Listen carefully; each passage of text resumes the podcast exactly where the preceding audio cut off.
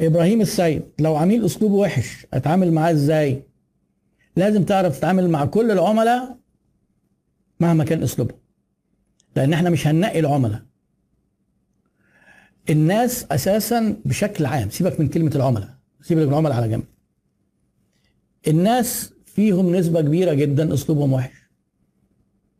في ناس عصبيين في ناس كذابين كتير جدا. في ناس آه بسريع الغضب.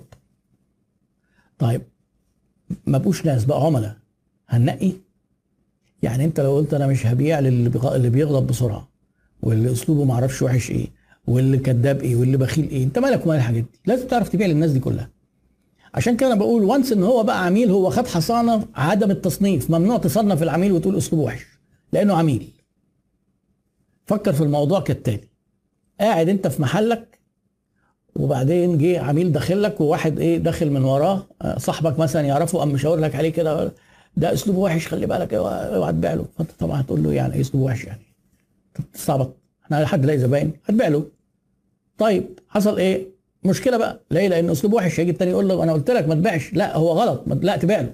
تعمل إيه؟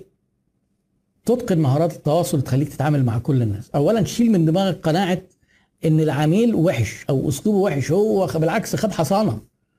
هدي أعصابك بقى وشوف هتتعامل معاه إزاي. وتكون ممتن من جواك إن هو عميل واشترى منك وهو أسلوبه وحش كده إن هو دفع لك أنت فلوس ما راحش لحد تاني.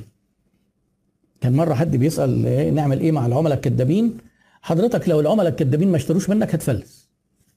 يعني كم في المية من اللي انت تعرفهم تقدر تصفهم تصفهم إن هو إن هم صادقين لا يكذبوا؟ كم في المية؟ يعني نسبة يعني بصراحة هتبقى متواضعة جدا أكيد يعني. طيب أنت هتبيع دول بس؟ يعني أنت عايز دول النسبة دي من المجتمع كله هي دي اللي لا لا. بيع للكذابين. بيع لهم وبيع اللي خلفوهم. عادي يعني مش مشكلة خالص يعني. ما هنعمل إيه؟ طب ما بيجي كذب بعد كده علي. عادي برضه. شوف هتتعامل بقى معاه إزاي؟ حل مشاكلك معاه. ده عميل ولازم انت تتقن معاملة ما دام عملت ما تحت فتحت business ما تجيش بقى تنقي في الناس. وما تجيش تقول والله بقى هو كده واللي ما يعجبوش يشرب من البحر. ما دام business خلاص. ما تجيش تقول لو سمحت ده هو إيه رزقنا مش عليك. ما هو الرزق ليه أسباب؟ هو أنت عمرك لو نمت في السرير وقلت أنا مش هتعامل لأن العملاء وحشين رزقك هيجي لك تحت المخدة الصبح هتصحى الصبح تلاقي كده حد سابه لك تحت المخدة؟ يعني ما اظنش يعني. مش هينفع خالص يعني تلاقي فلوس متسابه لك تحت المخدة يعني. صح؟